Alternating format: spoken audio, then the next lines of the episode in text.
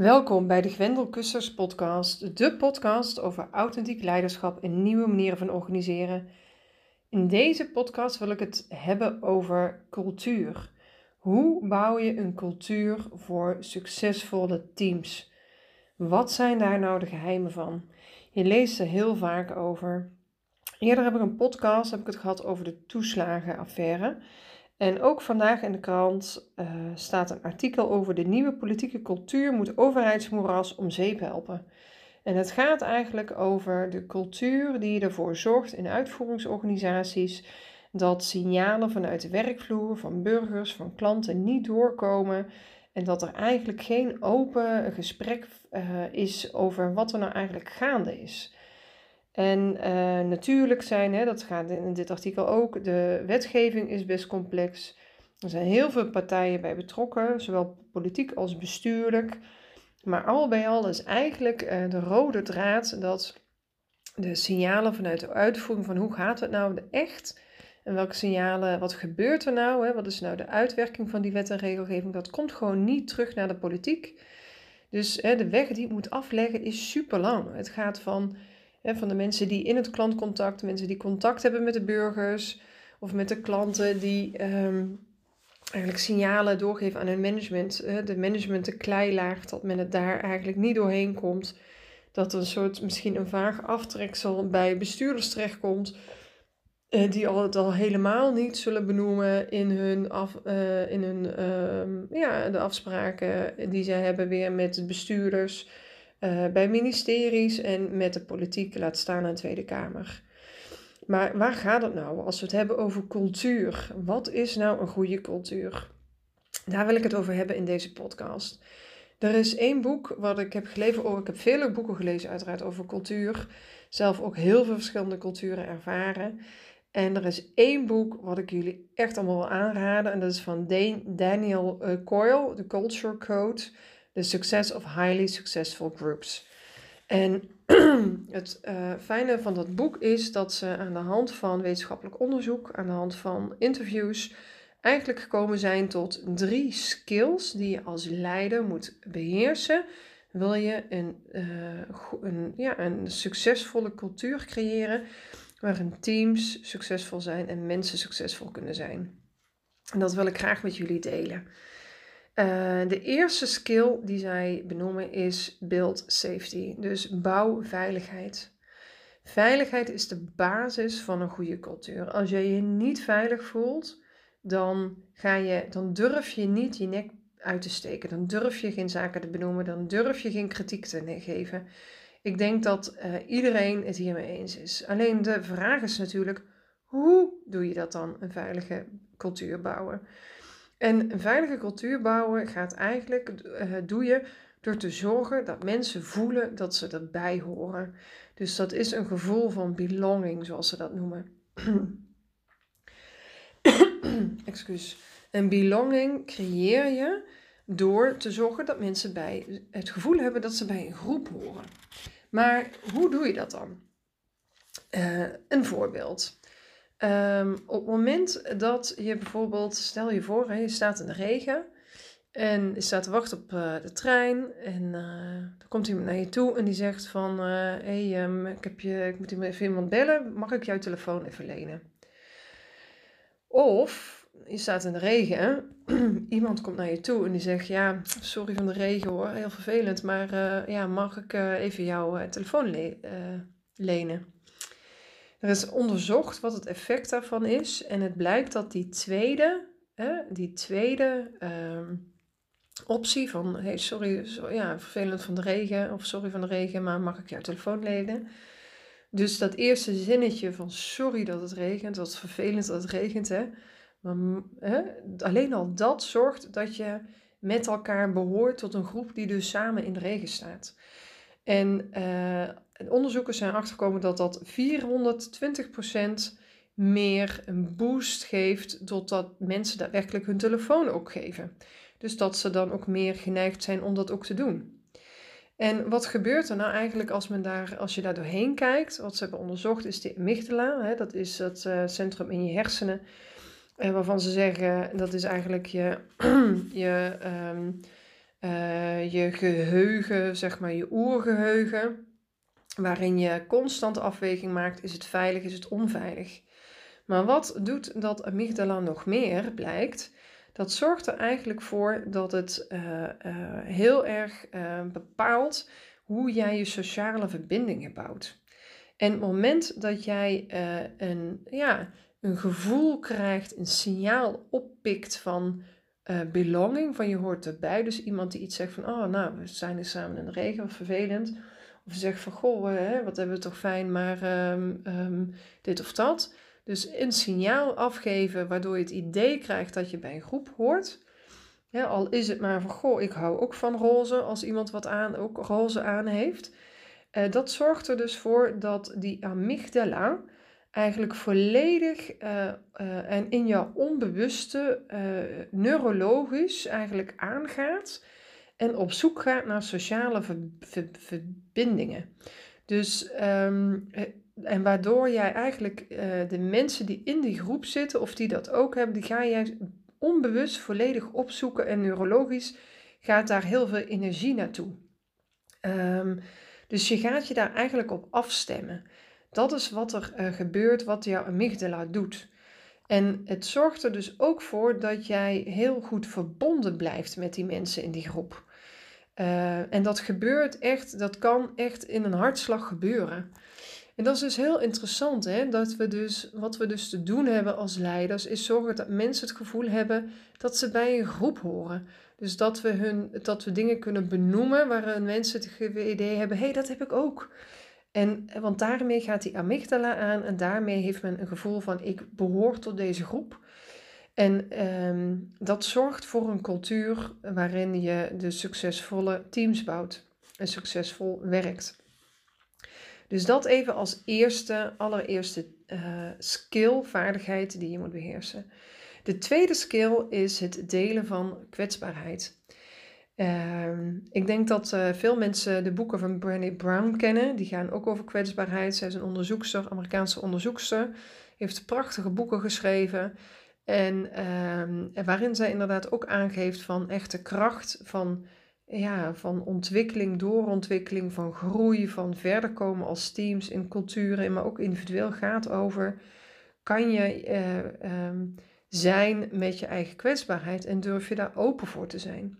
En wat men nou ontdekt heeft, is in die kwetsbaarheid dat er eigenlijk um, er gebeuren twee dingen. De een is dat in de, er is zoiets als een uh, kwetsbaarheidsloop. En die kwetsbaarheidsloop uh, gaat als volgt. Stel als ik in een groep zit en ik zeg van um, um, ik heb deze taak uh, proberen uit te voeren. Ik heb daar heel erg op gezocht. Ik heb van alles erbij gehaald. Ik heb met die en die gesproken. Maar het is ons niet gelukt. Weet je, het is ontzettend lastig. En we lopen eigenlijk vast op dit probleem. We weten het gewoon niet. Daarmee geef je een signaal af van kwetsbaarheid. Ik weet het niet. Heb ik eerder een podcast ook al over gehad. Over hoe dat uh, eigenlijk de hele contributie en het samenwerken uh, versterkt. En dat zeggen ze in dit boek ook. Het gaat over het moment dat de een zegt van hé, hey, ik weet het niet. Dan is het de belang van de tweede persoon, of de eerste persoon die daarop reageert, of die dat signaal oppikt. Als de eerstvolgende die daarop reageert zegt van ja, oh, wat ben jij uh, debiel dat jij dat niet snapt, dan is natuurlijk de cultuur, niet veilig en dan, dan durft de rest, pikt dan het signaal op van oh het is hier niet veilig om te zeggen als je het niet weet of om hulp te vragen. Dus dan sluit alles zich. Maar als de tweede persoon daarop reageert, iemand, hè, ik zeg bijvoorbeeld ik weet het niet, en de, de persoon, de eerstvolgende die daarop reageert, die zegt van... Oh, joh, vertel eens. Uh, waar, liep je nou? Hoe zat het dan precies? Of wat, uh, waar liep je dan precies tegenaan? Kan je dus toelichten? Dan wordt het signaal afgegeven van... Hé, hey, het wordt geaccepteerd om kwetsbaar te zijn. En we gaan erop in en we gaan je helpen. Dus er ontstaat hulp. De reactie is hulp. Wat er vervolgens ontstaat is dat zeg maar, de derde en de vierde zullen ook inspringen en meedenken bij de oplossing van het probleem. Dus je krijgt letterlijk een loop. En die, wat ik terugkrijg als initiële, zeg maar, kwetsbare, hè, degene die als eerste de kwetsbaarheid opstelt, is dat ik de hulp terugkrijg op die kwetsbaarheid. Van waar kan ik je helpen? En deze kwetsbaarheidsloop, hè, dus kwetsbaarheid met de reactie en daarin ook de hulpvraag, dat is de basis voor succesvolle teams. Want daarin ontstaat, hè, aanvullend op dat gevoel van belonging bij zijn groep, krijg je heel sterk dat je samen gaat werken en dat je neurologisch echt tot in je diepste krochten van je hersenen gaat zoeken naar hoe kunnen we dit met z'n allen oplossen. Want het is veilig. Het is meteen veilig. Dus je kan meteen de veiligheid in. Iedereen ziet in zo'n team meteen van hey, dit is waar we, we gaan nu in, de, in, in een safe space met elkaar waarin we open kunnen praten. Iedereen registreert dat en mensen gaan zich daar ook naar gedragen. Dus dat is de vulnerability loop, de kwetsbaarheidsloop en de hulpvraag die erop terugkomt, die je dus wil uh, benoemen. En in het boek staan een aantal hele mooie voorbeelden, ook uit allerlei sectoren. Hè. Men heeft onderzocht of dat nou uitmaakt of je in defensie werkt, of in de luchtvaart, of in een in de ambtenarij, of in een commerciële organisatie, of uh, in een high-tech. En het maakt allemaal niet uit. Dus bedrijven die succesvol zijn, dat zijn de bedrijven waar de bazen, de bestuurders, de managers uh, openlijk in oververgaderingen aangeven: ik weet het niet, ik loop vast, dit is het probleem. Dat zijn de bazen die hè, uh, naar het koffiezetapparaat toe lopen en boven het koffieapparaat uh, een briefje ophangen van: ik loop vast op dit probleem zodat iedereen kan meedenken. Het zijn hè, die piloten die in uh, crisissituaties terechtkomen, die op dat moment niet zeggen van geef mij maar die stick, ik ga het fixen. Maar die zeggen, die vragen aan de crew, heeft iemand een idee? Wat weten we? Die het opengooien. En dat is wat je uh, als leider wil. Hè? Dat je samen en alle krachten en alle kennis en alles wat er is gaat benutten voor het oplossen van je problemen. Dat is de tweede vaardigheid. De derde vaardigheid, vaardigheid die ik wil delen is het, um, het installeren van, uh, ja, van uh, purpose, noemen ze dat. Dus de purpose, ja, dat gaat over wat is mijn doel in het leven? Wat vind ik belangrijk? Wat is voor mij echt, uh, ja, echt de zingeving van mijn leven? Wat is de purpose? En die purpose gaat twee kanten op. Die purpose gaat natuurlijk over de purpose, hè, het doel van het bedrijf. Waar is de zingeving van het bedrijf? Waar staat dat bedrijf voor waar je werkt? Wat is nou echt waarvoor je ten, ten aarde bent als bedrijf? of organisatie, wat dien jij? En ten tweede is de vraag, wat is mijn purpose? En die, dat gesprek over die why, hè, waarom zijn wij te aard, waar, waarvoor doen wij het, is een vraag die vaak in de drukte van alle dag en ook in crisissituaties wordt overgeslagen, maar die heel belangrijk is voor mensen om zich te kunnen aanhaken op een bedrijf en op, op een doelstelling of op een, ook een veranderbeweging. Uh, ik denk dat veel mensen ook de Golden Circle kennen van Siemens uh, waarin hij zegt van je begint eerst met de why en dan met de what en dan met, uh, dan met de how en dan met de what. Eh, en dit, is, dit gaat over de why. En hoe installeer je nou een goede why? Dat is door regelmatig opnieuw het gesprek te voeren over waar zijn wij ook alweer van? En, dat heb ik eerder gezegd hè, in, uh, in podcasts ook. Het is zo belangrijk om regelmatig weer uh, te resetten van, van gezien alle trends, ontwikkelingen, omdat de wereld snel verandert, dat je iedere keer opnieuw uh, je plek bepaalt van waar zijn wij ook alweer van? En willen we dit? Doen we het goede? Moeten we iets anders doen? Um, hè, zijn we alleen voor die klant of zijn we ook voor het milieu? Zijn we ook voor de natuur? Zijn we ook voor die omgeving? Zijn we ook voor de verbindingen in de maatschappij? Willen we ook verbeteringen in de keten? Waar zijn wij van? En door dat gesprek te voeren kan je ook de vraag stellen aan mensen van in welk onderdeel, wat, wat raakt jou in die missie of in die visie? Waar gaat het jou om? En wat is jouw uh, zingeving wat jij wilt bijdragen aan het bedrijf? Waar kom jij dan je bed vooruit? Voor welk onderdeel wat we nodig hebben om dit te bereiken, sta jij dan op? en mensen hoeven misschien niet eens ten diepste altijd voor het, het allerhoogste, uh, de purpose of de allerhoogste uh, visie te gaan van een bedrijf. Maar als die onderdelen om daar te komen, die hebben ook een purpose, die hebben ook een doel. En als mensen zich daaraan kunnen uh, liëren, dan is het natuurlijk ook goed. om een voorbeeld te geven, als je bijvoorbeeld zegt van wij zijn er ten diepste voor in de maatschappij een duurzame producten te creëren voor de maatschappij. Als jij misschien denkt van, goh, weet je, die duurzaamheid, ja, daar sta ik achter, maar ik ben te gneut en ik samen sta op iedere dag om echt een nieuwe innovatie te doen. Ik word warm van die innovaties die bijdragen. Dan is dat net even anders, maar dan is die geleerd aan jouw purpose, aan jouw zingeving. Samenvattend, deze drie skills zijn echt de basis van cultuur. Een open, goede cultuur om te zorgen dat je succesvol bent als bedrijf. Dat is het bouwen van veiligheid, het delen van kwetsbaarheid en het installeren van een hele duidelijke purpose. Nu zijn er ook een aantal ehm, eh, tips die eigenlijk in dat boek uh, ook naar voren komen. Die wil ik toch ook even met jullie delen. En uh, dat, een van de dingen die ze bijvoorbeeld ook zeggen is van creëer uh, overleggen waarin um, ruimte is om te botsen. Weet je, mensen waar mensen werken, net als in de zandbak vroeger, ontstaan ruzies, gedoe, uh, discussies, noem maar op. Maar het gaat erom dat je dat organiseert en dat je die ook, dat je erkent dat die er zijn en dat je die een plek geeft. Een duidelijke plek van hier, op deze plek gaan wij het gesprek met elkaar aan. En dat je dat ook uh, begeleidt vanuit die veiligheid. Dus dat je daar goede begeleiding op zet, zodat die spaces for collision, zoals we dat noemen, zodat die ook constructief gaan. Een andere, ik denk ik de tweede tip, die heel veel mensen wel zo herkennen, is van uh, luister vooral goed en vraag veel, stel veel vragen.